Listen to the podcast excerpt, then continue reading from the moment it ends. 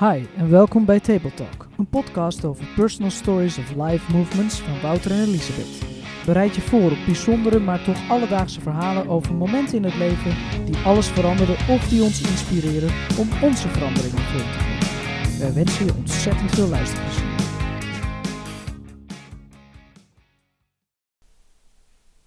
Aflevering 6. Ja, is nog net goedemorgen. Ja, het is Ja. tien voor half twaalf. Aflevering 6. Aflevering 6. We zitten nog een keertje in Vianen. Ja. En dat is leuk voor de afwisseling. Eh, eh, Wouter en ik die, eh, zitten of in Almere of eh, bij mij thuis. Letterlijk aan de keukentafel, vandaar de Table Talk eh, podcast. Ja, We hebben vandaag eh, Suzanne eh, aan tafel zitten. En eh, Suzanne, eh, nou, die ken ik ook uit mijn eh, netwerk. eh, daar gaan we straks wat meer over vertellen. Eh, Suzanne, kan je vertellen wie je bent? En eh, welkom trouwens. Ja, leuk dat jullie me hebben uitgenodigd. Eh, ik ben Suzanne, ik ben 36, ik kom uit Nijmegen. Ik ben getrouwd, ik heb twee kleine kindjes en eh, ik ben minimaliseercoach. Kijk, dat is heel tof. dat roept al meteen vragen op. Ja, heel veel. Ja. En misschien ook wel niet, maar eh, je hebt er wel allemaal een beeld van. Kun je, kun je dat beeld een beetje invullen? Hoe jij dat invult als minimaliseercoach? Ehm, ja, ik help eigenlijk gewoon mensen met van hun spullen af te komen. Eigenlijk om het heel eh, plat te zeggen. Maar ehm, ik help ze daar op een super snelle manier in. Zodat ze heel snel kunnen genieten van een rustruimte en overzicht in hun huis. Zodat ze Mhm. met die tijd leuke dingen kunnen gaan doen en een leven kunnen leven. Want ik zie dat te veel mensen het tegenwoordig houden door te veel spullen. En daar eh, draag ik graag eh, aan bij dat het anders kan. Dus, Toen ik manier. jou eh, een klein poosje geleden sprak, ik denk dat het alweer twee maanden geleden is, Suzanne, Ja, dat wij een kop koffie hebben gedaan. Toen zei je tegen mij, ik, eh, mijn missie is om eh, verspilling tegen te gaan. En dat vond ik heel mooi, want het gaat niet alleen maar over vers- verspilling van tijd en energie, maar ook over spullen. Het is eigenlijk heel veel meer dan alleen maar minimaliseren eigenlijk. Ja, ja, zeker. Daarom ben ik ook geen, geen opruimcoach of iets. Daarom ben ik ook minimaliseercoach. Omdat ik heel veel dingen minimaliseer. Dus eh, inderdaad heel veel tijd, opruimtijd minimaliseren. Waardoor je leuke dingen kan doen. Ehm, Ja. Ook spullen. Want ja, als je weet wat je in je huis hebt en overzicht hebt, dan koop je ook niet heel veel extra spullen mee. Daar bespaar je weer natuurlijk grondstoffen en spullen die je niet in je huis hebt, die je daarna weer gaat weggooien. Maar ook geld. En eh, dat geld dat kan je weer spenderen voor de leuke dingen in het leven. Of dagjes uit of dat soort dingen met je gezin. Ja. En dat is uiteindelijk veel waardevoller eh, dan heel veel spullen te hebben. Ja. Heb je het altijd zo gedaan? Hoe ben je hier, hoe ben je hier naartoe gegroeid? nee, totaal niet. Ik was eh, echt het type van eh, als puber al een, eh, een, een pad van mijn deur naar mijn bed. En de rest alleen maar rommel. Ja. Mijn kasten die ik niet meer dicht kreeg. Ehm, toen ik op mezelf ging wonen, toen kreeg ik het wel opgeruimd. Maar na twee, drie weken was het weer een rommel. En dan moest ik steeds weer opruimen. En dan was ik zo klaar mee. Maar ja, ik kon niet echt een manier vinden hoe dan wel. En heel veel opgezocht, heel veel uitgeprobeerd, lifehacks. Maar ja, dan werkte het even en daarna weer niet. Mhm. En toen dacht ik, ja, moet ik hier nou constant mee bezig blijven? Ik wil gewoon mijn tijd aan leuke dingen spenderen. Maar ik vind het wel fijn om een rustig huis te hebben. Ja. Nou, dat ging wel redelijk zo op en af. Totdat ik kinderen kreeg. Nou, toen werd echt de chaos helemaal compleet. Want toen waren er echt zoveel spullen die je sowieso in je huis krijgt. Maar ook die je van heel veel mensen krijgt. En ja, kinderen die hebben niet zo heel veel zin als ze anderhalf zijn om op te ruimen. Dus gooi wel alles om. Ja. En Ja. ik was ook heel erg eh, snel overprikkeld. Dus ik dacht, ja, maar hoe krijg ik nou ooit nog rust in mijn huis? En weinig energie. Dus toen dacht ik, ja, hoe dan? En eh, toen ben ik eigenlijk volledig erin gedoken van, ja, ik wil dit gewoon anders. Het moet gewoon anders. En eh, na heel veel dingen uitgeprobeerd te hebben, kwam ik uiteindelijk bij minimaliseren terecht. En eh, ja, daar ben ik eigenlijk vol in gedoken. En eh, daarnaast ook nog de, de werking van het brein. Dus hoe komt het dat je overprikkeld raakt? Hoe kan je dat beïnvloeden? En dat heb ik eigenlijk tot bepaalde technieken voor mezelf in eerste instantie ontwikkeld. Om heel snel rust en ruimte in huis te krijgen. Mhm. Ja, en dat is enorm goed gelukt. En vandaar ook uiteindelijk een tiny house en reis met handbagage. Ja. Maar dat, ik, dat mensen mij vroegen, maar hoe heb je dat nou gedaan? En toen ben ik hun dat, mijn technieken gaan leren. En hun hadden zo snel resultaat. En dat ze zeiden van, joh, hè, er moeten meer mensen weten. En toen ben ik uiteindelijk mijn bedrijf gaan opstarten. Dus eigenlijk ja, vanuit een hele andere hoek. ja. Ja. Ja, En, ik gaan en ondernemen. hoe lang geleden is dat? Dat je echt je bedrijf hebt opgestart? Ehm, twee jaar. Twee jaar. Ongeveer, ja. Eerst heb ik heel veel eh, offline gedaan, dus bij mensen thuis geholpen. Ja. systemen erin gezet. En ik vind het ook belangrijk om goed werkende systemen te hebben, zodat je ook niet meer op hoeft te ruimen. Ja. Zodat je die tijd ook houdt. Niet even je huis netjes hebben, nee, blijvend je huis netjes. Ja. Of snel weer netjes. En ehm, sinds begin van dit jaar, sinds maart, heb ik eigenlijk alles online gezet. om een breder bereik te krijgen. En dat, uh, ja, sinds maart ben ik daar nu mee bezig. Dus online trainingen, workshops. En dan organiseer je het met meerdere mensen, zeg maar, dat je meerdere mensen tegelijkertijd aanspreekt? Zeg maar, in, in workshops en uh, webinar-achtige ja. setting? Ja, ik heb meerdere uh, mogelijkheden. Ze kunnen online trainingen volgen waarin twee keer per maand een live Q&A zit. Dus dan ja. Uh, ja, via Zoom en dan kan ik gewoon alle vragen beantwoorden. Um, maar ook workshops, dan zijn inderdaad ook meerdere mensen bij aanwezig. Maar ook video coaching school en dan is het gewoon één op één coaching. Ja. Dus ja, op die manier opschalen. En je zei al, hè, het zijn systemen, dus het is nooit één ding wat mensen anders doen. Nee, het is echt een uh, bepaalde technieken die je toepast. En dat heb ik ook geleerd in mijn eigen minimaliseerreis. En ook bij de mensen omheen heb ik dat gezien. Ik dacht dat het aan mij lag. Ik dacht, ik kan dit niet, uh, het gaat nooit meer goed komen. Ik ben gewoon heel erg rommelig. En, ja. Maar doordat ik wat ik heb geleerd en heb ontwikkeld, zie ik dat het helemaal niet aan mij ligt, maar echt aan de technieken. En die kan iedereen leren. Ja. Vandaar dat ik ook zo gebrand op ben dat iedereen dat weet. Ja. Want dat, ja, nou, haalt gewoon veel meer uit hun leven uiteindelijk. Ja, dus mensen besparen heel veel tijd, ja. moeite. Ja. Uh, maar het is ook een beetje gewoonte, denk ik, waar je aan zit te sleutelen. Want ondanks dat je een techniek hebt, je moet het wel gebruiken. Je moet er wel mee om kunnen gaan. En uh, daar ook in je hoofd uh, uh, een soort van acceptatie voor krijgen. Dus je kan zeggen, ik ben rommelig, dus het is gewoon zo. Of ik pak het aan en ik leer er op een andere manier mee omgaan. Ja, dat klopt. Het is, eigenlijk is minimaliseren 80% mindset. 80% mindset en 20% massive action. Dus ja, je moet echt wel wat gaan doen. Het, er komen helaas geen kaboutertjes die alles oplossen. Nee, dat niet.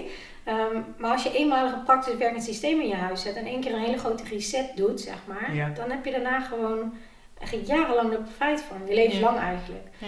Dus het is, um, maar ook vooral, uh, dat zit heel veel in mijn technieken verwerkt, waarom. En het gaat terug naar de basis en echt de bewustwording van. En als je dan weet waarom je iets hebt en waarom je iets gebruikt, dan wordt het al zoveel makkelijker. Want dan denk je, oké, ik hoef geen uh, twintig verschillende bordjes in mijn kast te hebben. Want wat doe ik er nou eigenlijk mee? Ja. Met hoeveel personen ben ik in huis? Ja, hoeveel bordjes heb ik dan nodig? Of hoeveel visite komt er nog? Nou, op die manier ga je het helemaal terugbrengen naar de basis en dan weer optoppen met comfortdingen. Ja, en als je dat eenmaal weet, uh, dan is het een mindset en dan, ja, dan weet je het.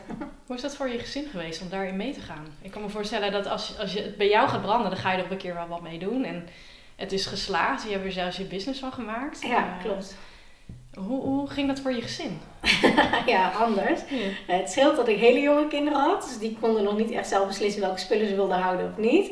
Um, dus dat scheelt, want ja, dan maak je zelf dan keuzes voor. Totdat ze ouder worden, dan neem je ze er wel helemaal in mee. Uh, mijn man in het begin heb ik er totaal niet in betrokken. Want uh, dat zeggen heel veel mensen van ja, maar mijn man wil dit niet. Of mijn partner wil dit niet. Dus lukt het niet. Nee, dat is onzin. Want ik denk dat 60% van je huis je zelf over kan beslissen. Ja. Ik bedoel, en mijn man vindt het niet zo belangrijk hoeveel borden er in de kast staan, als hij maar genoeg borden heeft. Dus daar kan ik zelf over beslissen. Dus ik ben vooral eerst aan het werk gegaan met mijn eigen spullen. Dat mhm. was al heel veel. Ja. en toen met de gezamenlijke spullen. En af en toe wel wat overleg, maar hij zei ja, ik vind dat prima. En toen kwam het stuk dat hij zelf uh, aan het spullen ging. En dat was wel een tikje moeilijker. Ja. Ja. En hoe heb je hem daarin kunnen helpen dan? Um, ja, mijn man is op zich ook wel avontuurlijk ingesteld, dus dat is wel leuk. En eigenlijk de eerste shift kwam voornamelijk toen wij op wereldreis gingen. Mhm. Ehm, nou, eigenlijk het jaar daarvoor, want toen gingen we, toen was ik al bezig met minimaliseren. Toen zei ik, hoe leuk zou het zijn als we met onze kinderen uh, twee weken naar Griekenland gaan en minder bagage meenemen. Nou, dat was voor hem al een hele stap. En dus we namen één grote backpack mee ja. en een, uh, een handtas, zeg maar, als handbagage. Ja. Um, en toen moest hij ook keuze gaan maken, wat neem ik mee. Maar goed, nog best wel veel kan daarin. En toen wij uh, op reis waren daar, toen miste hij eigenlijk vrijwel niks. En uh, de kinderspeelgoed hadden we mee, niet heel veel, maar wel genoeg. Dus hij zag daar wel het voordeel van. Ja. Um, en toen, het jaar daarna, gingen we op wereldreis. En toen zei ik, ja, maar ik wil echt alleen maar met handbagage. En ook omdat een vriendin van mij in dezelfde zomer haar koffers kwijt was geraakt met een baby. Oh ja. Zeg maar, dat, ja, dat was zo'n gedoe geweest. Omdat al onze babyspullen zaten in die koffers. Had wel wat in de handbagage, maar vrij weinig. En ze ging op cruise. Dus ja, die koffer die vloog elke keer oh. per bestemming erachteraan. Kan bij haar dus niet terecht. Nee. Dus het was zo'n gedoe. En ik dacht, ja, dat wil ik echt niet. Helemaal niet wereldreis. Um, dus ik zei, ja, ik wil toch echt heel graag met handbagage. Nou, dat was wel even slikker voor hem. Want hij zei, ja, moet dat nou echt? Gaan we dat nou echt doen? En toen zei hij van, ja, maar uh, wat is het allerergste wat er kan gebeuren? Ja. Ja, dat het te weinig is. Ik zei, oké, nou, we hebben geld bij, ze hebben winkels. Wat is het allerergste wat kan gebeuren? Ja, dat we daar extra spullen moeten kopen. Ik zei, nou ja, en, en dat we daar een extra koffer moeten kopen die we dan weer kunnen inchecken. Als het echt te weinig is, kunnen we dat doen. Ik zei, ja. ja, dat is wel waar. Oké, dan wil ik het wel proberen. Hij houdt dan wel van om dat experiment dan aan te gaan. Ja. Dus dat was eigenlijk wel iets waarvan ik zei, ja oké, je mag uh, twee paar schoenen meenemen en vier setjes kleding. Dat hij zei, oké, die twee paar schoenen is alleen voor, uh, voor het strand of zo. Ik zei, nee, dat is voor alles. Ja. dus dan ging er wel echt slikken, zo van, hm, moet het nou echt? Maar ja, ik, ik bleef maar herhalen van ja, wat is het ergste wat kan gebeuren? Dan kopen we daar toch wat nieuws erbij. Ja. En dat heeft hem wel over de streep, ja, ja, dat heeft hem echt wel over de streep getrokken. En toen we eenmaal op reis waren, toen viel al die ballast weg. En, nou, ja, hij was degene die er het meest enthousiast over was. Ik natuurlijk ook, maar hij, hij zei ja, dit had ik veel eerder moeten doen. En wat een vrijheid. En uh, ja. toen zag hij echt de voordelen ervan. Ja, grappig. Ik kan me voorstellen dat, dat dit ook een heel belangrijk punt is in je coachtraject. Zeg maar, dat je uh, niet alleen maar bij huis, maar überhaupt aan mensen laten voelen vooraf dat het helemaal niet zo erg is als je al iets tekort komt. Al zou het iets zijn, je kan altijd alles oplossen. Juist. Maar hoe, hoe bereid je mensen daarop voor? Het lijkt me, ja, wat je zegt, hè, het is een heel groot stuk mindset. Ja, klopt. Ik laat het ze zien, ik laat het ze ervaren. Ja. En um, ik heb bijvoorbeeld ook uh, een techniek, een hoteltechniek heet het dan. En dan zeg ik, trek heel je badkamer leeg en zet alleen terug wat je mee zou nemen op vakantie, hotel, in een hotel. En dan zie je dat ze denken van ja, hè, ben je niet helemaal uh, goed bij je hoofd? Ja. En dan doen ze dat. En dan zeggen ze, oh ja, dat geeft me zoveel rust. En ik heb meer dan genoeg. Ik heb niet tekort. Het is vooral de angstgedachte die erachter zit. Want het is, je leeft niet in het nu. Hmm. Wat heb ik nu nodig? Nee, je leeft in het verleden. Van ja, maar dat heb ik toen ooit een keer gekocht. Dus doe ik het liever niet weg. Of in de toekomst. Ja, maar wat nou als ik het ooit een keer nodig heb en ik heb het niet? Ja. Maar die mensen gaan niet door uh, diepere lagen op die vragen in. Die zeggen gewoon, en als ik het niet heb, oh wat erg, dus ik hou het maar. Nee, je gaat dan door van, ja, maar hoe kan je er dan toch aankomen? Of hoe lang duurt het voordat je het in huis hebt? Of op welke manier? Of weet je, het gaat vooral om het doorvragen. En, en, dat is waar de meeste mensen stoppen. Die denken van, ja, ik weet niet of ik het wel recht doe, weet je wat, laat het maar staan. Ja. Die, die gaan niet die lagen dieper en dat doe ik dus wel. Ja, ja zo'n uitspraak, het eet geen brood. Juist, precies dat. Maar uiteindelijk had je je huis wel helemaal vol. ja. ja. ja. En op wereldreizen waren we vijf maanden. En toen merkte mijn man dat hij eigenlijk helemaal niks miste. En dus toen we terugkwamen, toen zijn we echt uh, gaan kijken van ja, maar wat hebben we nou eigenlijk echt nodig? En omdat we die vijf maanden op een tweepersoonskamer hadden geleefd met uh, twee backpacks uh, met onze kinderen, ja, dan valt ineens die waarde van spullen helemaal weg. Die gehechtheid. Want je hebt het in die maanden ook niet gemist. Nee. Is dat toen het moment ook geweest dat jullie naar zo'n tiny huis zijn verhuisd of niet? Of was dat daarvoor nee, Nee, dat is daarna. daarna oh, daarna, ja, ja. ja, Want we gingen toen al minimaliseren. We hadden, voordat we op wereldreis gingen, hebben we ons huis, huurhuis tijdelijk opgezegd. Ja. Uh, toen kwamen we naar een ander huurhuis. Want we wilden wel weer een huis gaan kopen. Um, maar dat, dat huurhuis waar we dus terecht kwamen naar de wereldreis was te groot voor ons. De hele zolderverdieping was leeg. Uh, want voordat we op wereldreis gingen hebben we al heel veel geminimaliseerd. Maar toen we alles in dat huis hadden staan, hadden we gewoon heel veel ruimtes leeg. Heel veel kasten leeg. Zelfs de voorraadkast die in de woonkamer zat was leeg. Daar hebben we een kantoor van gemaakt. Weet je, op die manier. En toen dacht ik, dit voelt te groot. En toen we een ander huis gingen kopen, dat was een opknaphuis. Uh, met de bedoeling van gaan daar heel lang wonen. Um, die was dus al wat compacter. Want ik dacht, oké, dat voelt dan wat fijner voor de spullen die we hebben. Ja. En dat is groot zat. Ehm, en die gingen we dus helemaal uh, opknappen. Maar toen kwam mijn moeder met het uh, bericht dat zij longkanker had en nog maar een jaar te leven had. En toen dachten we, oké, dit huis willen we in vijf jaar aflossen om weer te gaan reizen. Hmm. Wat is vijf jaar? Ik bedoel, mijn moeder krijgt maar een jaar. Ja. En uiteindelijk is dat helaas maar drie, vier maanden geworden. Hmm.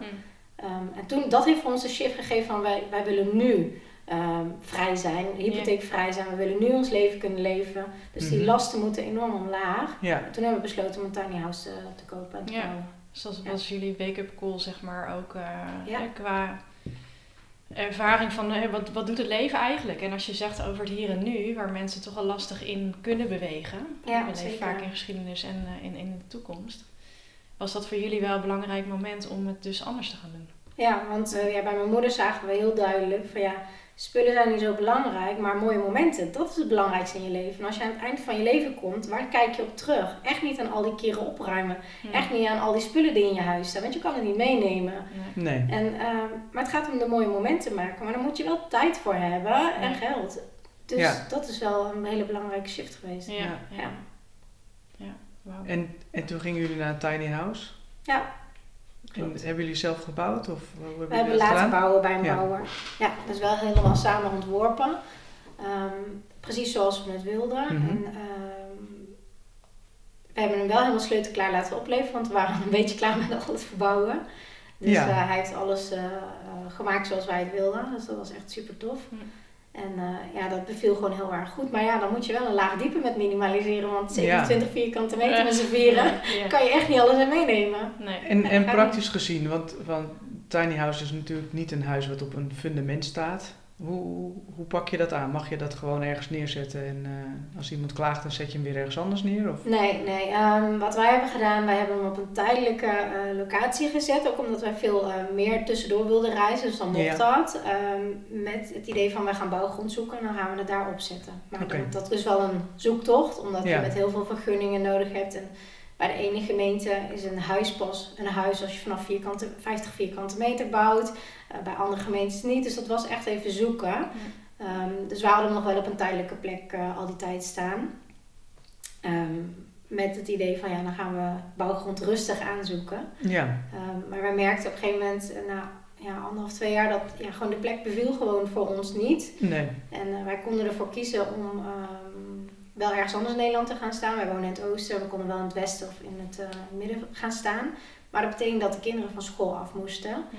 En dat wilden we niet. Dus um, toen hebben we ervoor gekozen om eind vorig jaar ons tiny house weer te verkopen, helaas, na 2,5 jaar. Ja. Um, ja, omdat we gewoon niet wilden dat de kinderen van school afgingen. En toen hebben we het, het huis op vinden, heb ik echt serieus gezocht. Wat is het kleinste huis wat, wat het kleinste huis wat er te koop is? Ja, ik wilde gewoon een groot huis. Ja. Nee. nee. Dus ja, dit is voor mij nog wel een beetje net te ruim, maar het was alle kleinste wat we konden vinden. En, ja. Uh, wel in bosrijke omgeving, 85 vierkante meter. Hm. Maar we hebben qua levensstijl ja, niks anders veranderd. Nee. nee. Oh, dan ben je er toch wel weer een, uh, qua oppervlakte wel weer groter op vooruit gegaan. Ja, klopt. Merk je, wat, wat doet dat nu qua leefstijl? Merk je alsnog we leven nog steeds als toen in tiny huis? Of merk je dat het dan toch weer wat voller wordt in huis bijvoorbeeld? Of dat je meer ruimte... Um, ja, nee, want het gekke is, wij leven nog steeds best wel veel dicht op elkaar. Maar dan voelt de rest als leeg. Ja, ja, Snap je? Dus ja. dat is wel een beetje gek. En um, ja, je ziet ook wel dat doordat je nou weer wat meer ruimte hebt, de ruimte weer wat sneller opgevuld wordt. Want mijn man is daar dan wel goed in. Die zegt dan, ja, dit is op zich wel handig. Nu hebben we toch de ruimte. Ja, ja, ja. ja nee, dat vind ik helemaal onzin. Maar goed, hè, als hij daar dan blij mee is, doe maar. Maar ja, weet je, dat merk je dan wel. En als je een kleine ruimte hebt, dan is dat veel meer begrensd. Dan zie je gewoon, oké, deze ruimte heb ik. Ja, dus en als het niet nodig is, komt het er niet in. Nee. Want dan neemt het iets in wat meer nodig is. Juist, ja, ja dat is het kan me voorstellen dat deze leefstijl wel ook veel positieve impact heeft op je gezin. Ik bedoel, je leeft dichter op elkaar, zeg je letterlijk. En doordat je minder spullen hebt, heb je minder afleiding. Uh, ik kan me voorstellen dat dat qua harmonie ook heel prettig kan zijn. Ja, ja, ja, zeker. En dat merk ik op heel veel van mijn minimaliseerklanten. Die hebben bijna altijd ruzie wie er opruimt. Of dat de kinderen niet opruimen, ruzie om spullen. En dan denk ik, omdat natuurlijk wat wij hebben meegemaakt met de mensen om ons heen en uh, ook jongere mensen die overleden, dan denk ik, ja, we maken ons druk om joh. Het gaat om de tijd samen. Ja. En het kan zoveel makkelijker als je maar een goed werkend systeem hebt. Hmm. Ja. Ja, dus jij zegt echt, mijn, uh, de, de, de magie zit hem echt in je leefomgeving op orde brengen. Ja, absoluut. Maar dat is ook wetenschappelijk bewezen. Dat vind ik dan wel leuk om dat soort dingen uit te zoeken. Want het is gewoon wetenschappelijk bewezen dat als jij in een rommelige omgeving bent, dat je cortisolgehalte stijgt. Dus heb jij gewoon letterlijk stress ervan. Hmm. Dus als je dat om kan draaien, dan heb je minder, veel minder stress. Dan heb je een fijne leefomgeving. Dus ehm, je doet veel minder impuls aankopen. Nou ja, als je minder spullen wil hebben en je maakt veel impuls aankopen, is het niet zo heel erg handig. Nee. Um, ja, je humeur wordt er slechter van, dus dat heeft ook weer impact op je omgeving. Het heeft heel veel met elkaar te maken, een soort domino-effect. Ja, ja, ja. En het is goed voor je portemonnee. Ook dat. Ik bedoel, uh, ja. ja, daar kun je ook wel een heleboel andere slimme en leuke dingen mee doen. Ja, absoluut. Gewoon vooral dingen die in je huis waar je echt blij van wordt. ja, die nuttig zijn en die je gebruikt. En als het niet aan een van die drie voldoet, dan gaat het er gewoon uit. Mm. Ja. Want het zijn ook um, ja, triggers in je brein. Dat als jij iets uh, ziet wat je niet mooi vindt, wat je van iemand hebt gekregen, maar eigenlijk niet wegdoet. Mm. Iedere keer als je langs loopt, denk je daaraan. Wordt je humeur door beïnvloed. Ja. Ja, kleine en grote impact, ja. Ja, heel veel manieren. Ja, en als, als je constant die hogere cortisol hebt, langdurige stress, daar weten we inmiddels wel van dat- wat de lange termijn gezondheidseffecten Ja. ervan zijn. Ja, ja, Dat dus is, voor eh, je gezondheid is eigenlijk ja. ja. heel erg belangrijk dat je gaat minimaliseren. En ik heb dat bij mijn moeder heel duidelijk kunnen zien, want zij had altijd heel veel spullen, eh, heel veel rommel. ehm. Ze wist gewoon niet meer waar ze moest beginnen. En ze hield heel erg van eh, spullen maken, dus eh, vlaggetjes maken eh, op de naaimachine. Maar ze kon die kamer vaak niet inkomen, er was te veel spullen. Dus op het moment Ja. dat ze die kamer wel helemaal had opgeruimd, wist ze dat er nog twee of drie andere waren. De kamers die ze moest doen. En ze had daar weinig energie voor, want ze had meerdere hartinfarcten gehad. Ehm, dus ja, weet je, dat belemmert je letterlijk in het doen wat je leuk vindt, in je Mm. passies. Ja. Dus dat, dat zie ik bij heel veel mensen, dat dat gebeurt. En dat niet alleen. Toen zij overleed, ehm, heb ik, eh, heeft ze mij gevraagd van, ja, wil je mij helpen met die spullen? Toen ze wist ehm, eigenlijk dat ze eh, kanker had. Toen viel heel die gehechtheid aan spullen. Toen zag ze eigenlijk pas hoe, hoezeer ze erdoor tegen wordt gehouden. Toen dacht Mm. ik, ja, dit kan toch niet de bedoeling zijn? En Ehm, ook voor mij daarna, om, het, om haar spullen allemaal op te ruimen en leeg te halen, dat heeft ze mij gevraagd. Dat heeft voor mij heel veel tijd gekost, heel veel impact. En ik heb het met liefde gedaan. Ehm, maar ja, ook dat zit er nog wel aan. De meeste mensen denken, ja, ik ruim het niet op, want ik weet het niet. Ja, maar Mm. als jij het niet doet, dan schuif je het wel door naar een andere Ja, je generatie naar je je geeft het gewoon door aan de volgende. Je gooit het letterlijk over de schutting Ja, van een ander. ja. Ja. Ja, en dat is niet bewust. Hè. Kijk, mensen die lopen daar Nee. helemaal in vast. Alleen ja, probeer hulp te vragen, want het kan. Het kan zoveel makkelijker. Alleen je moet het maar net weten. En als jij gelooft van ja, het lukt mij niet, ik weet het niet. Wat ik ook altijd heel lang heb gedacht. Dat is dus niet zo. Met de goede Ja. technieken kan het dus wel. En, en nou zijn er best wel, denk ik, mensen die spullen kopen om iets op te vullen. Ja, Hè, Een zeker. bepaalde leegte, het geeft een bepaald plezier om iets te kunnen kopen en daar ben je dan even blij mee. Hoe help je mensen daarbij om dat om te draaien? Want dat, dat moet een andere invulling krijgen voor die mensen. Ja, het is echt mindset. Ehm, ik heb dat zelf ervaren. Misschien herkennen jullie het ook wel, of heel veel anderen. Ehm, je staat voor de kast ochtends. Heel die kast zit vol, maar je weet niet waar je aan moet trekken. Mm. Dat Ja. gebeurt heel vaak. Dus je hebt het idee, ik heb niks leuks. Dus als je dan in de winkel komt en je ziet een leuk jurkje of een broek of t-shirt, dan ga je die kopen, want je denkt, ik heb niks leuk om aan te trekken. Ja, En als gevolg dat er steeds meer, meer, meer komt. Ik heb uiteindelijk eh, mijn kast helemaal rigoureus omgezet naar een capsule wardrobe. Dus dat is ongeveer 33 kledingstukken zoiets, met schoenen, alles erbij. En ik had zo'n gevoel van overvloed. Altijd leuke dingen, altijd mijn favoriete dingen. Op wereldreis heb ik dat heel duidelijk gemerkt met handbagage. Ik had nooit een gevoel van tekort. Hm. Dus als jij veel bewuster bent naar wat jij hebt en ehm, alles kan je met elkaar combineren, je wordt blij van alles wat je in je kast hebt, dan maakt het Ja. niet uit hoeveel stuks erin hangen. en als er iets blij, bij zit waar je niet meer blij van wordt, dat betekent dus dat je het wegdoet. En dan kan er misschien wel wat anders voor in de plaats komen, waar Ja. je weer rijk mee bent. Ja, ja. zeker. Ja. Want het was op de wereldreis. Ja, op een gegeven moment slijt dat wel. Ja. Ja. Dus dan doe je het weg en dan koop je iets nieuws waar je weer heel blij van wordt. Ja. Ja. Ja. en eigenlijk heb je nog steeds diezelfde voldoening, alleen je sleept het niet meer allemaal mee. Juist, dat is Ja. het. Ja, en dat geef ik mijn kinderen ook heel erg mee. Van ja, je mag voor mij echt een speelgoed kopen, maar dan gaan er wel twee of drie dingen weg. Ja. En dan ga je andere kindjes maar mee blij maken. Of het gaat naar de kringloop, of je verkoopt het. Of je- ah, als het niet meer te gebruiken is, dan gaat het helaas weg. Maar eh, dat weten ze nu inmiddels ook. Want dan zeg ik in de winkel, ja, je mag er één ding uitkiezen. En dan zegt ze, maar mam, eh, als ik nou drie dingen wegdoe, dan mag ik ook drie dingen uitkiezen. Ja, Ja, ja. dat Ja, niet dat altijd. werkt niet zo. altijd zo. Nee, Ja. nee, precies. Ja. Maar je mag best drie dingen wegdoen. Ja, dat mag wel. Maar het is leuk dat je het wel op die manier al vroeg mee kan geven. Want daardoor zullen zij ook heel anders, nou ja, wat jij ook zegt, met, met minder ballast eh, letterlijk het leven doorgaan. eh, Zeker. Als ze het al eh, interessant vinden om op te pakken. Ja, want wij zeggen altijd voordat ze gaan eten, ja, ga opruimen. En de kinderen lopen helemaal vast. Ja, dat is logisch. Hun Ja. worden ook overprikkeld. Hun weten ook Ja. niet meer waar ze mee moeten beginnen. Hm. Maar dat vergeten we vaak. En eh, voor hun, als het heel erg overzichtelijk is, het is voor hun ook veel fijner en makkelijker. Of Ja. ja, weet je, op die manier om dat in te zetten. Ja. Ja, dat zie ik bij mij thuis ook.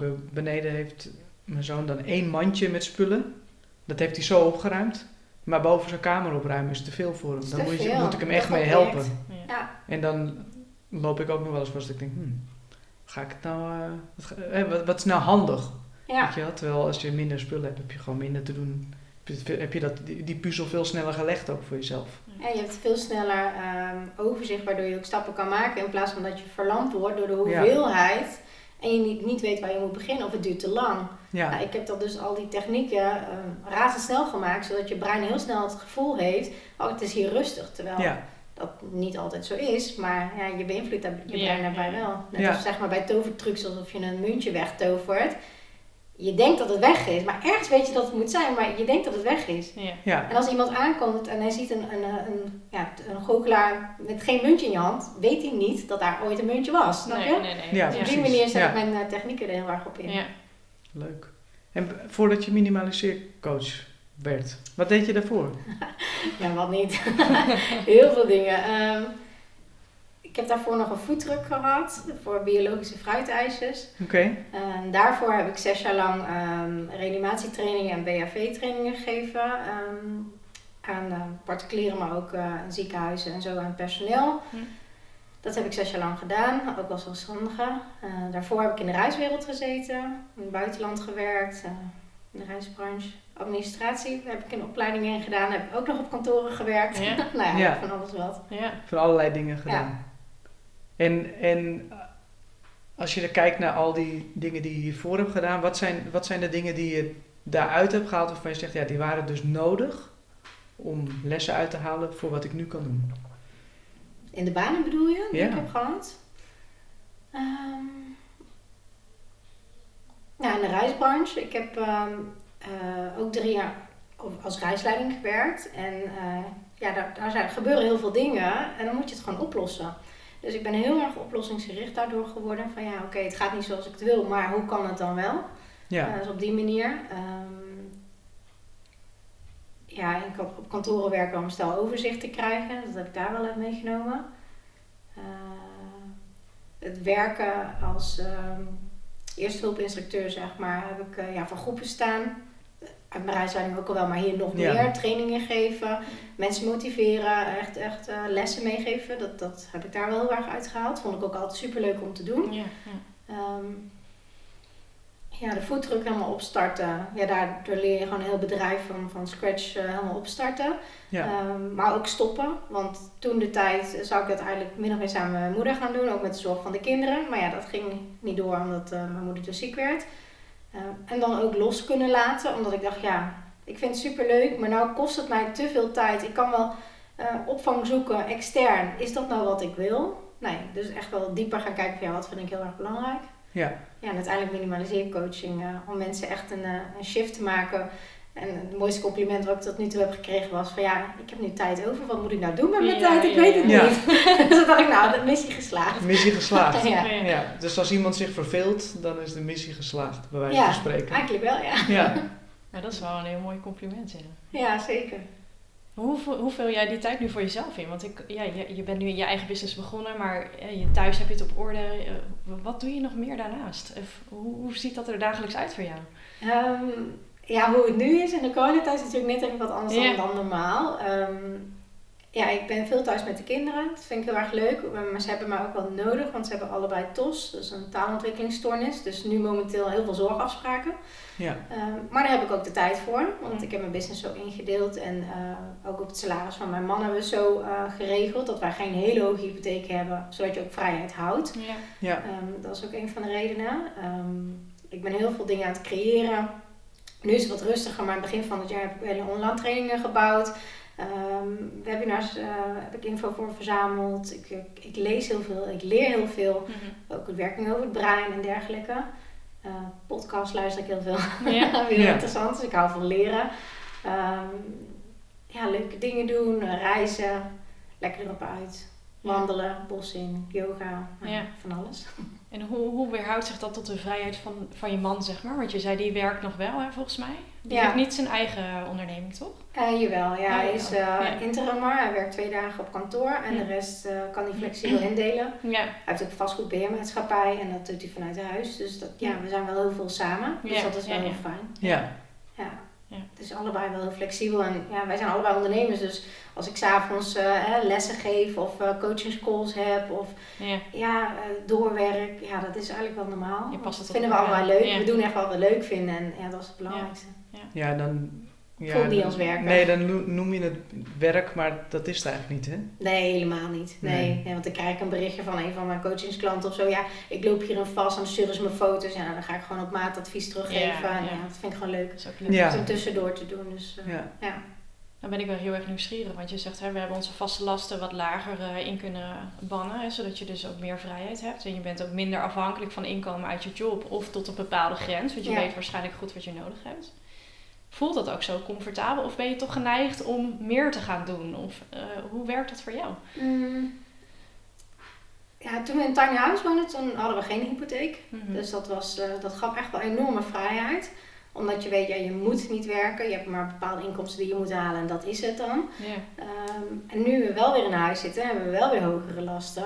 Dus dat is, valt, ja, hoe moet ik zeggen? Dat geeft wel wat meer een beklemmend gevoel. Dus daar zijn we nu weer heel hard aan het werken om daar weer financiële vrijheid in te creëren. Ja. Ehm, maar dat is wel een shift tussen tiny house en nu. Ja, Ja, dat dat, absoluut. Ik kan Ja. me voorstellen, ja. Ja. Ja, ja en ja goed, eh, ik wil heel veel impact maken, omdat ik ehm, weet dat heel veel, ja, duizenden andere vrouwen hier zelf mee struggelen en dat het eh, veel makkelijker kan, dat je in ieder geval veel meer tijd kan overhouden, want heel veel vrouwen hebben ook het idee van ja, ik heb geen tijd voor mezelf. Mhm. En dat kan wel als je bepaalde dingen net even iets anders insteekt. En dat gun ik ook heel veel mensen, daarom wil ik breed opschalen en daar ben ik gewoon nu mee, eh, heel veel mee bezig.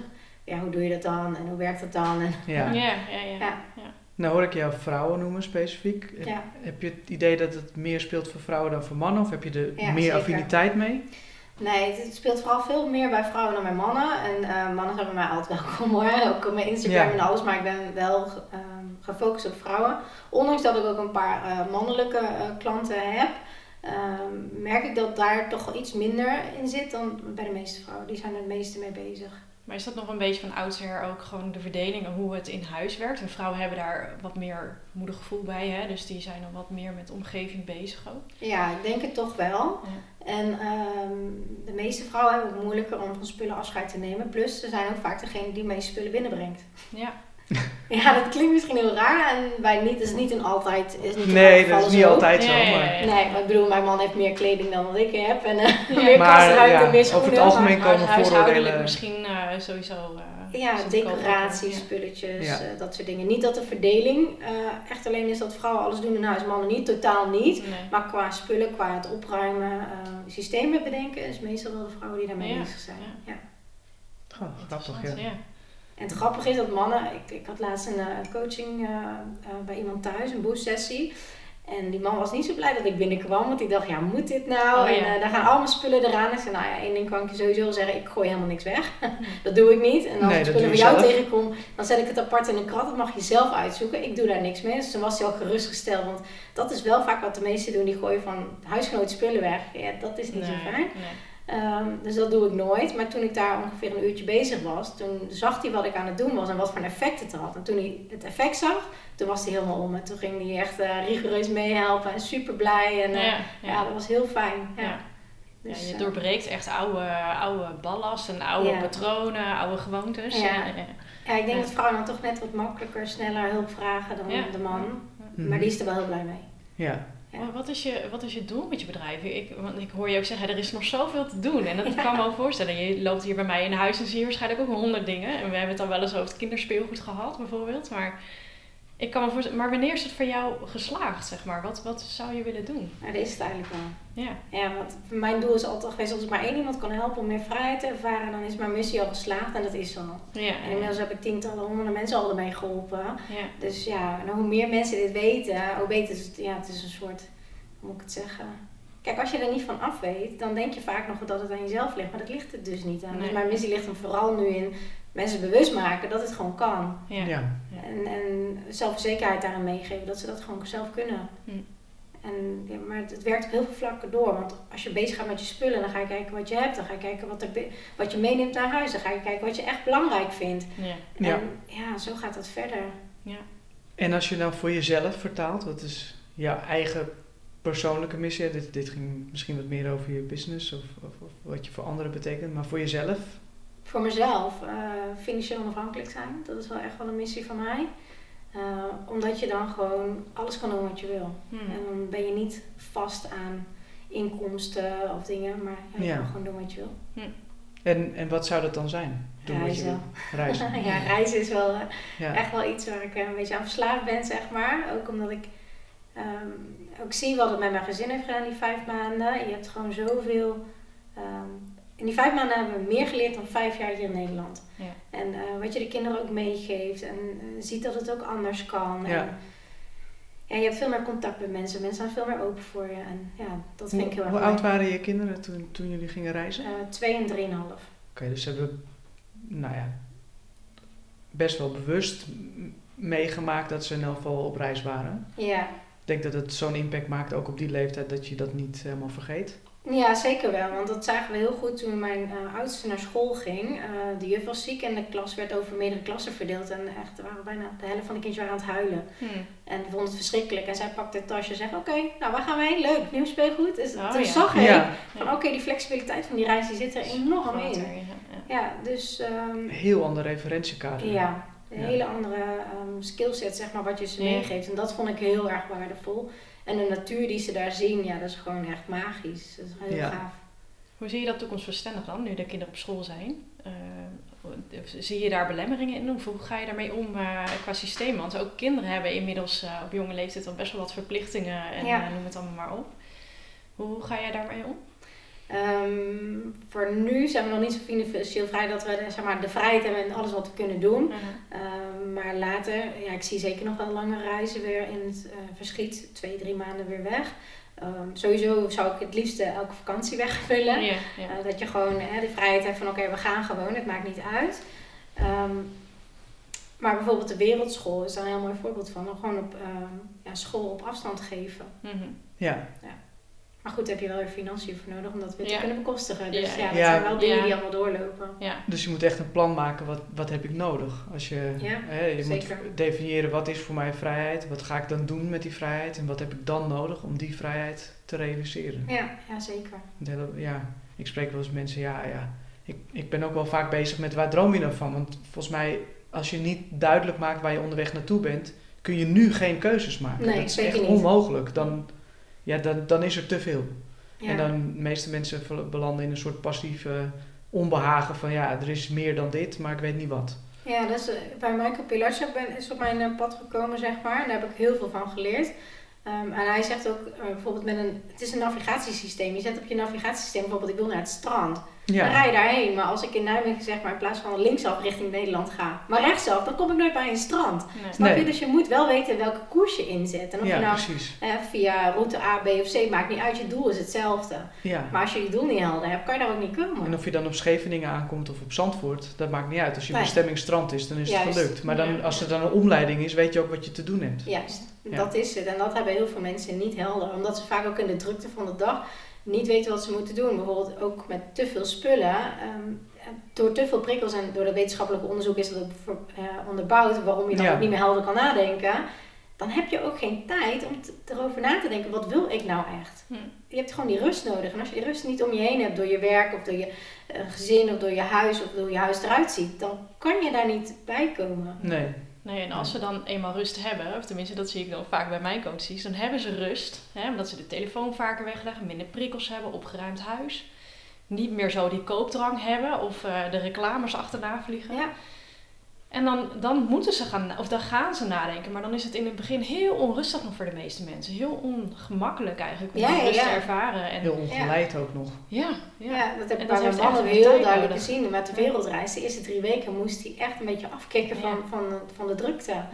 En het grappige was, toen wij terugkwamen van de reis, moest hij ook weer heel erg aan wennen om op de snelweg te rijden. Want als hij 90 reed, vond hij het al heel erg hard. Oh ja. Ja. Dus dat kwam gewoon omdat we zo Ja. tot rust waren gekomen daar, dat je dat gewoon totaal niet meer... Nee. Eh, het gaat te snel, zeg maar, je leven voor de rust waarin je zit. En uiteindelijk ben je er wel weer aan. Ja. Maar ja, je hebt echt wel die rust nodig om ja, te kunnen bedenken wat je nou Ja. echt wil. Ja. En dat, is wel bijzonder. hè. vaak. Er zijn heel veel mensen die leven echt naar vakanties toe. Die Ja. zeggen dan nou, hè, en dan vooral met schoolvakanties zijn we daar ook wel op gebonden met kinderen dan. Maar eh, dan hebben ze tijd nodig om weer tot rust te komen. En dan kunnen ze eindelijk genieten van vakantie. En dan is het eigenlijk alweer voorbij. Ja, ja, ja, en dat is is wel een van mijn motivaties geweest. Dat ik dacht, waarom voel ik me op vakantie dan uiteindelijk zo goed? Waarom kan ik dat niet altijd ervaren? Elke dag. Want Ja, als je je leven daarop anders inricht. En het klinkt voor heel veel mensen als echt heel, heel rigoureus inderdaad om het om te zetten. Maar vaak zijn er al hele kleine stapjes te nemen. Om dat gevoel al dagelijks eh, veel meer tot je te nemen. ja, maar dat is ook met vakantie in een vakantiehuisje. Waarom komen heel veel mensen tot rust in plaats van in hun eigen huis? Omdat daar niet zoveel prikkels zijn. Ja. Die zijn Ja. minimalistisch ingedeeld. Er is precies genoeg, er is niet te veel. Je hoeft geen eh, uur lang af te wassen, want er zijn Ja. maar zes borden, hè, bij wijze van spreken. Ja, En dan komen ze thuis en dan word je weer gebombardeerd met spullen. Of met emotionele triggers. Hè? Ja. Of dat je denkt, oh ja, dat is kapot, dat moet ik nog een keer maken. Of, eh, ja. Ja. en dat Ja, geeft is een heel groot veel onrust. inderdaad. Ja. Dat is wel grappig. Mijn, mijn moeder heeft een vakantiehuisje op de Veluwe. En daar zijn zij heel graag. En, en ik, ik kom er ook graag. En dan, en dan hebben we het er wel eens over, weet je wel, met het gezin van... Ja, in principe zou je hier toch ook gewoon kunnen wonen? Ja. Ja, maar er is hier helemaal geen bergruimte. Ik zeg, ja, lekker. Al die zooi lekker weg. Gewoon één kast. Weet je, er is een fietsenberging, je kunt je fiets binnenzetten. En, nou ja, en, en desnoods staat er maar eentje buiten. Ja, eh, boeiend. Ja. Maar, maar het geeft best wel een hoop rust. Hoeveel heb je nou eigenlijk nodig? En je gaat echt helemaal terug naar de basis. En dan Ja. ga je optoppen met dingen die je heel leuk vindt of die je heel mooi vindt. Of een paar herinneringen. Maar dan houdt het ook ergens Ja. wel op. Ja. Kijk, eh, ik, ik vind het wel fijn dat we alle, al, al onze kinderen een eigen plekje nu kunnen geven in huis. Dus dat ze, en dat hoeft naar mijn idee geen grote kamer te zijn, maar wel waar ze zelf kunnen zijn. Vind ik ook. Ik denk ja. dat dat wel, eh, wel heel fijn voor ze is. Ik, ik hecht daar zelf ook waarde aan dat ik een eigen kamer heb waar ik af en toe een paar uurtjes kan gaan zitten. Ja. Eh, maar, maar verder denk ik, ja, weet je, al, al die spullen, ja, volgens mij kan 80% gewoon weg. Nou, wat ik bij mijn, bij mijn dochter heel duidelijk zag, zeg maar die vakantie voordat we op wereldreis gingen. Ze, kwam, ze had een klein eh, tasje met speelgoed meegenomen op de wereldreis. Ze heeft de hele vakantie gespeeld, dus urenlang, superleuk. Totdat we thuis kwamen. En ze rende van de ene kant naar de kamer, naar de andere kant. Weer naar het midden. Ze trok een kast open en ze ging midden in de kamer keihard zitten huilen. Mm. Ze werd zo overweldigd, ze wist gewoon niet waar ze mee moest spelen. Te veel. Gewoon keuzestress. Gewoon Ja. hetzelfde bij kleine kinderen. Ja. Ja, Die krijgen te veel, ze weten het gewoon niet meer. Nee. nou, dat is Dus, wel eh, eye-opener. Ja, Nee, ja, ja. ja. Ja, nou ja, in die zin dat ik denk, hè, mijn zoon vindt het best lastig om alleen te spelen. Eh, nou, dat verschilt ook wel per kind hè, hoe makkelijk ze dat kunnen. Maar hij speelt bijna nooit met zijn speelgoed. Het liefst eh, pakt hij een papiertje en een paar potloden. Ja, naar mijn Zand, idee. water. Ja, waarschijnlijk kunnen er gewoon 9 van de 10 dingen gewoon weg, omdat het gewoon niet voor hem is. Het is gekocht met het idee, oh, dat zal hij wel leuk vinden. Ja. Maar het is de projectie van degene die het geeft op het kind. Terwijl, ja, als je kijkt naar wat hij zelf pakt. Hij is me- meest gelukkig met iets stoms als een stokje en een paar stenen. En eh, als hij daar dan ook nog met een, met een schroevendraaier een paar schroeven in mag doen... en dan is het een of ander apparaat geworden voor hem, dan is hij gelukkig. Ja, ja. Ja, Ja, nee, maar dat de zit rest- ook de rest kan wel in. Ja. Ja, de rest kan dan eigenlijk ook wel weg. En, en ik snap ook wel dat als je dan op zijn kamer komt en er zijn overal spullen... dat hij Mm. denkt, ja, ik weet het ook niet. Gewoon Ga maar- ik ga maar weer naar beneden. Ja, maar Ja. dat gebeurt er vaak. En ehm, bijvoorbeeld ook een bak Duplo, ja, die kiepen ze gewoon helemaal om. Ja, Dus wat ik eigenlijk altijd tegen mijn klanten zeg, ja, halveer hem. Want dan kan hij ook mee spelen. Het is nooit dat hij de hele bak opbouwt. Nooit. En dan gebeurt dat wel een keer. En dan pak je de rest erbij. Want die zet je dan boven op zolder bijvoorbeeld. Ja, ja. En op die manier, dat scheelt ook heel veel tijd. Ehm, maar als jij, kijk, ik vind speelgoed wel belangrijk voor kinderen, maar niet heel veel, zeg maar. Nee. Hè? Niet, niet excessen. Dus als je veel minder koopt, hoef je daar ook minder geld aan uit te geven, hoef je minder te werken. En uiteindelijk heeft dat wisselwerking. Want wat wil je kind uiteindelijk echt? Tuurlijk wil hij spelen, maar hij wil ook aandacht, hij wil Ja. samen zijn. vooral dat. Ja. en dat vond ik van de reis zo fijn. Je bent gewoon echt samen. Je Mhm. bent weg, je gaat leuke dingen doen, je Ja. gaat samen herinneringen maken. ja. En dat is wat ik al eh, heel fijn vind. Als er één allerbelangrijkste tip is voor mensen om, eh, als ze dit horen van, hé, hey, hier, hier, hier resoneert iets bij mij, hier wil ik iets mee. Wat is dan een belangrijke tip om als eerste bij jezelf te gaan onderzoeken? Ehm, ja, wat is een belangrijke tip? Ehm, stop met opruimen, dat is één. Stop er gewoon mee. Gewoon niet meer doen. Eh, want dat is alleen maar verplaatsen van je spullen. Het kost je alleen maar tijd. Dus je denkt dat je het opruimt, maar dat gebeurt niet. Je moet Nee. echt spullen je huis uitdoen. Wil je meer rust en ruimte krijgen. En meer tijd. En het belangrijkste is eigenlijk voornamelijk een praktisch werkend systeem. Het zijn twee dingen. En minimaliseren en een systeem erin zetten. Ja, En als je dat hebt, ja, dan heb je gewoon heel veel tijd over. Ja, klinkt echt heerlijk. ja. hè? Is ja. het ook? Ja. nee, ik ben niet zo. Ik, vind- ik vind opruimen ook zonde van mijn tijd. Maar ik vind wel, ik wil, het huis moet wel gezellig blijven. Ik ben niet van die hele steriele witte ruimte Nee. met twee stoelen en dat was het dan. Nee, absoluut niet. Hè? Dus eh, Nee. wel gezellig, Nee, maar precies. wel Het is je. misschien Ja, een soort doemscenario. Ja, van, ja, eh, ja. weet je wel, eh, alles praktisch en geen kunst meer aan de muur en eh, één peertje aan een draadje. En, eh, Ja, alleen ja, je moet er wel van tevoren bewust op zijn dat het nogal een impact kan hebben. Want wat ik dus ging doen, ik ging dus echt helemaal terug naar de basis en ging minimaliseren. En heel veel spullen van mij gingen weg. Ja, En op een gegeven moment had ik mijn kast leeg. Toen dacht ik, ja, maar moet ik mijn lege kast laten staan? Ging ik die kast weghalen. En toen dacht ik, nou, ik vind de kamer eigenlijk veel te groot. Zet er maar een plan neer. Ja, vind ik eigenlijk ook niet leuk. En toen kwam van, ja, ik ga wel kleiner wonen, want ik vind het te groot. ja. Dus ja, er zitten wel Ja, wat... dus je eh, komt wel in beweging. ja, ja, ja. ja. Ja, en je komt er wel echt achter wat jij nou eigenlijk echt belangrijk vindt. En ik zeg ook altijd van als je 80 bent en je wil terugkijken op je leven, wat wil je dan hebben gedaan? Hmm. ja. En welke spullen vind je echt heel belangrijk? En, Ja. en waar word je heel erg blij van? Ja, want dat is het. Je moet je afvragen waar je onderweg naartoe bent. En, en dan kun je bepalen, wat heb ik daar dan bij nodig? Juist, en dat is, kijk, als je een hele walk-in closet hebt, vol met kleren en je wordt overal blij van, je hebt het ook heel vaak aan. Ja, prima, moet je vooral houden, Moet je hè? vooral Ja, eh, je tuurlijk. grote Ja. kast Ja. houden, ja. Maar als je heel veel kasten hebt en je wordt er niet meer blij van, dan moet je dat, daar iets aan gaan doen. Ja. Ja, Vooral kom in beweging. Ik denk dat dat wel mijn tip is. Kom Ja. in beweging. Ja. Kom in beweging, ja. Ja. Nou ja, kijk, er zijn, er zijn best wel eens mensen die, die ik dan spreek van, ja, wat zou je willen? En denk dan eens na als alles kan. En dan, oh ja, dan wil ik wel miljonair zijn. En dan zeg ik, ja, miljonair. Maar dan, Dat, is dat het zijn maar getal, is maar een getal Ja. op een bankrekening. Dat Ja, kan ook En, minder. en, ja. Maar wat ga je dan doen? ja, want Hè? dat is de Want vraag dat is het. Waarvoor, waarvoor heb je dat miljoen of die 10 miljoen dan nodig? Juist, en dat weten de meeste mensen Dat weet, niet. dan, dan lopen mensen vast en, en, en, en toch kom je er eigenlijk altijd wel. Mensen weten het wel, alleen ze durven het niet uit te spreken. Of, En soms is het ook dichterbij dan dat je denkt. Want ik heb ooit Ja. van iemand gehoord die zei... Ik had ooit een keer een coachklant en die zei, ik wil graag een Porsche. En toen vertelde hij, was ook een, eh, een, eh, een financiële coach was dat. En dan zei hij, ja, maar hoeveel denk je dan nodig te hebben voor een Porsche? Dan zei hij, ja, 120.000 euro. Toen zei hij, weet jij dat er ook tweedehands te koop zijn voor Ja. 30.000 euro? Oh, zei hij, ja, maar dat heb ik wel. Zei hij, maar waarom zou je dat dan niet doen? Als dat echt jouw droom is, waarom Ja. doe je dat dan niet? Ja. En zei hij, oh ja, ik dacht dat, het, dat mijn droom veel verder weg lag. Maar Ja. eigenlijk Ja. kan het op andere manieren dus ook. Sneller kijken, ja. Ja, Ja. en dat, dat is vooral Ja. echt het doorkijken en doorvragen. Maar daar moet je de rust voor hebben om die vraag te kunnen beantwoorden. Juist, ja, maak ze kleiner, maak ze haalbaar en doe het. Ja, Ja, dat is denk ik heel belangrijk. En zijn ook de dromen die je wil verwezenlijken ook echt van jou? Of zijn ze Juist. van de omgeving? Hè? Want we zijn heel erg geneigd om naar ja. maatstaven te leven en te Ja. werken. En noem het allemaal maar op. Maar dat vind ik altijd hele interessante vragen om met eh, mensen door te worstelen. En volgens mij gaan we het allemaal wel door, dat Ja. proces. En de een op latere leeftijd, de ander wat eerder. En ik denk, naar mijn gevoel zijn er steeds meer mensen die het eerder doen. Zeg maar, onze generatie Ja. zijn volgens mij, zijn veel, volgens Ja. mij veel bewuster op een of andere manier van... Ja, maar wat vind ik nou echt belangrijk, hè? De generatie voor ons is nog carrière. Je moet carrière maken, je moet eh, geslaagd zijn in het leven.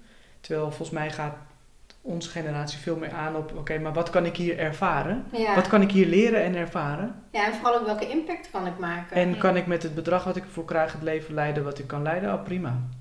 Maar het gaat mij om die, om die ervaring.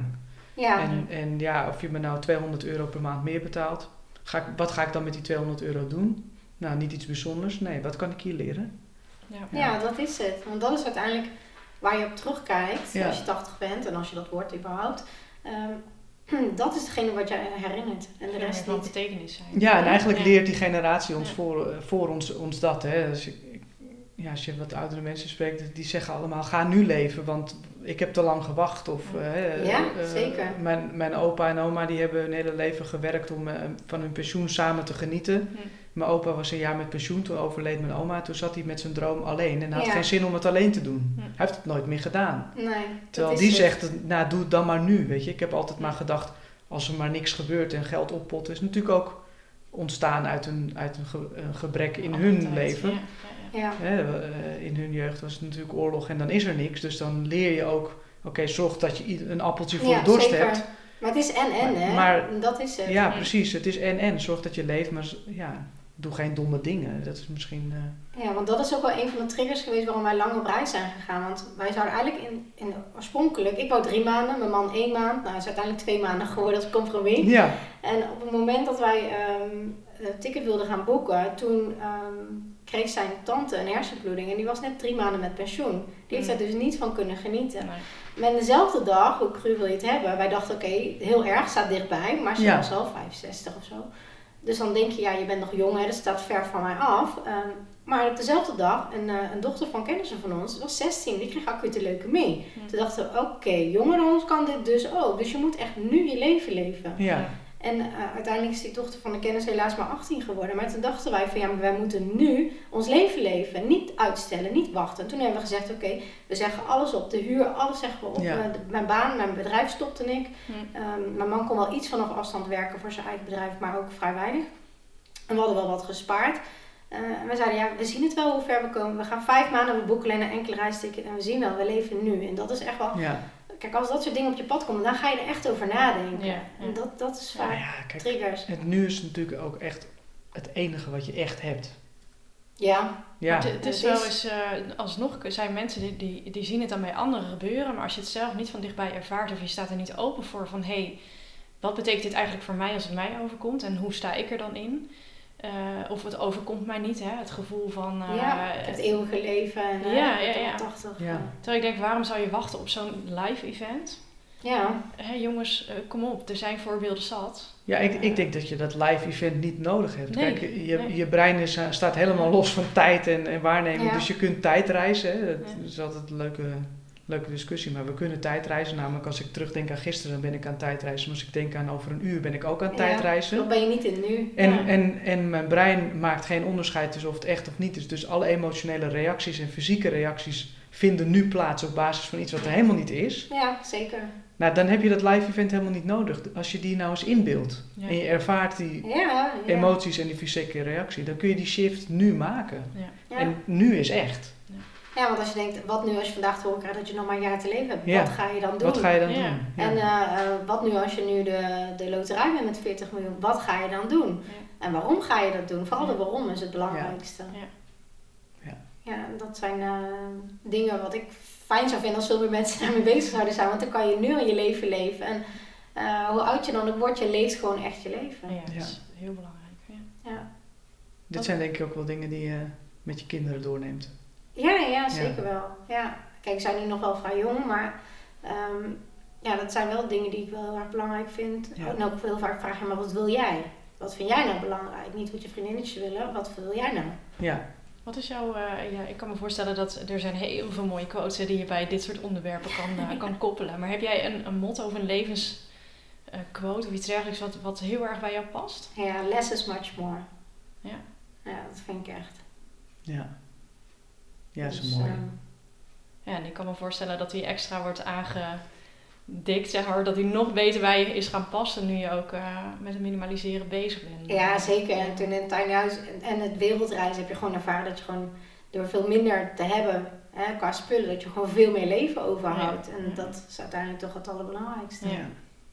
En wanneer komt, zo'n, eh, wanneer komt deze zin bijvoorbeeld terug? Nou, Heb je hem ergens ook in huis hangen bijvoorbeeld? Of, Ehm, ja, sowieso in mijn bedrijf komt hij heel Ja. vaak langs. Op Ja. Instagram heb ik heel mijn bedrijf zitten. ja. Ehm, less is much more, maar ook eh, let the magic begin. Want eigenlijk Ja. als je dit soort dingen gaat doen, ja, dan gaan er zoveel dingen gaaf hè? ja, gebeuren er dan. En je houdt Ja. zoveel meer tijd over en zoveel meer rust. Want ik zeg wel eens van, had ik dit maar tien jaar geleden geweten, Mm. dan was ik veel relaxter in het begin van mijn, eh, toen mijn kinderen klein waren, om daar door die tijd heen te gaan. Want Ja. ik had niet meer zo'n overprikkeld eh, gevoel. Ik was heel snel klaar. Ik had veel, tijd, veel meer tijd voor ze gehad. En dus Ja. ook aandacht. Ja. Ja, Ja. ja, ik had zelf veel meer rust. Eh, Ja. ja, weet je, dat werkt op heel veel vlakken door.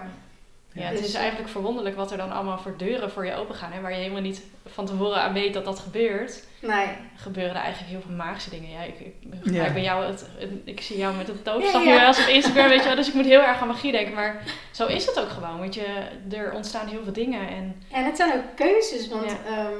Bijvoorbeeld familie die zei van ja, maar ja, jij kan tenminste thuis blijven bij de kinderen en Oh, ik ja. niet, want ik moet werken. Ik zei ja, maar jij hebt net een hele dure aanbouw laten zetten en je Ja. hypotheek staat zo hoog, twee, twee eh, salarissen. Dus je hebt jezelf daar in klem gezet. Ja. Ja. wij hebben wel een veel kleiner huis, maar daardoor hebben we wel die, die andere vrijheid. Ja, het Dus zijn ja, de maar keuzes die je zelf maakt. Hè? Ja. Zijn een beetje de gouden kooi, hè, waarin eh, mensen zichzelf eh, vastzetten. En eh, toch een beetje vergeten om de sleutel nog eens om te draaien. Ja. En eh, naar buiten te stappen. En als je daar blij van wordt en bewust over nadenkt, helemaal prima hè, Ja. maakt Ja. mij niet uit. Ja. Maar ja, dat is het vaak niet. Nee, Nee. nee, over het algemeen niet. Nee. Hey, waar kunnen mensen jou het makkelijkst vinden als ze denken, ik heb dit nu gehoord, ik wil aan de slag, ik wil meer weten, ik wil... eh, op Instagram bij No Worries Life Changing. Daar kun je mijn eh, profiel helemaal vinden. En daar, daar deel ik heel veel eh, tips eh, op. En, Mhm. eh, en tricks en hoe je dat snel van elkaar krijgt. Want Ja. daar ben ik echt wel van, van het snelle. Ik wil snel resultaat zien. Ik wil Ja. niet eh, maanden erover willen doen. Ja. Ehm, dus dat, eh, daar kan je eigenlijk het meeste op vinden. Of op mijn website uh, www.noworrieslifechanging.nl Leuk. Nou zijn wij eh, zelf heel erg van de muziek. We hebben jou ook gevraagd om, eh, om na te denken over een nummer wat heel erg eh, bij jou past. Ja, ja, ja. Heb je hem, heb je hem paraat nog? Ja, zeker. ja, zeker. Ehm, even kijken. Ik heb het nummer van... Dan moet ik even opzoeken hoor. De Spotify-list die gaat eh, aardig gevuld worden. Ja, We die, wordt- met die iedere wordt steeds gast. voller, ja. ja. De meeste gasten zeggen, nou, ik heb wel meer nummers eh, dan één. Ja, ja. Ehm, eh, Let's Go van Calvin Harris. Eh, dat vind ik, de tekst vind ik gewoon echt super, super passend voor, ehm, eh, ja, voor het minimaliseren. De, op een gegeven moment zegt hij van, ja, it doesn't matter where you come from, it's all about where you're going. En daar gaat het om. Je kan nu een keus maken om het anders te doen. Je kan nu. Het aanpakken. En let's go, ja, echt het aanpakken. En dan zit zo lekker up-tempo uh, beat Ja, onder. Ja, ja, ja. Dat je er ook wel eh, lekker enthousiast van wordt. Ja. Want als je het nu gaat inzetten, dan, ja, dan ervaar je er gewoon zoveel profijt van. Gewoon de rest van je leven. Ja. Dus ehm, ja, die tekst vind ik wel heel erg mooi eh, erin. Gaaf. Cool. Die gaat erop. Die gaat er ook weer op. Ja. En nou, je zegt meerdere nummers. Freedom van Kaiko. Heet het Oh, volgens ja. mij vind ik ook erg mooi. Want dat Ja. is het gewoon. Je krijgt er gewoon vrijheid van. Ja. En jij bepaalt wanneer je iets opruimt. En niet wanneer de visite komt. En je denkt, oké. Ja. Nou ja, daar heb ik ook weer een techniek voor. Dat je in 10 minuten je huisvisiteproef hebt. Weet je wel? Dat- Ja. En daarna, wanneer jij tijd hebt, ga je het pas echt opruimen. Ja, Weet je, dat soort dingen. Gewoon, eh, je krijgt gewoon vrijheid. Ja. lekker. Ik denk dat we meer mee gaan afsluiten. Want Ja. eh, het is een hele mooie boodschap. En eh dankjewel voor het eh, mooie gesprek. Ja, Ja, voor het hier naartoe komen. uitnodiging. Op je Absoluut. zaterdagochtend. Ja, natuurlijk. Je vrije zaterdagochtend die je hebt vrijgekregen door andere dingen Ja. slim aan te pakken. Ja. Dus eh dankjewel daarvoor. Ja, jullie ook. Wie weet tot de volgende keer. Ja. Dankjewel.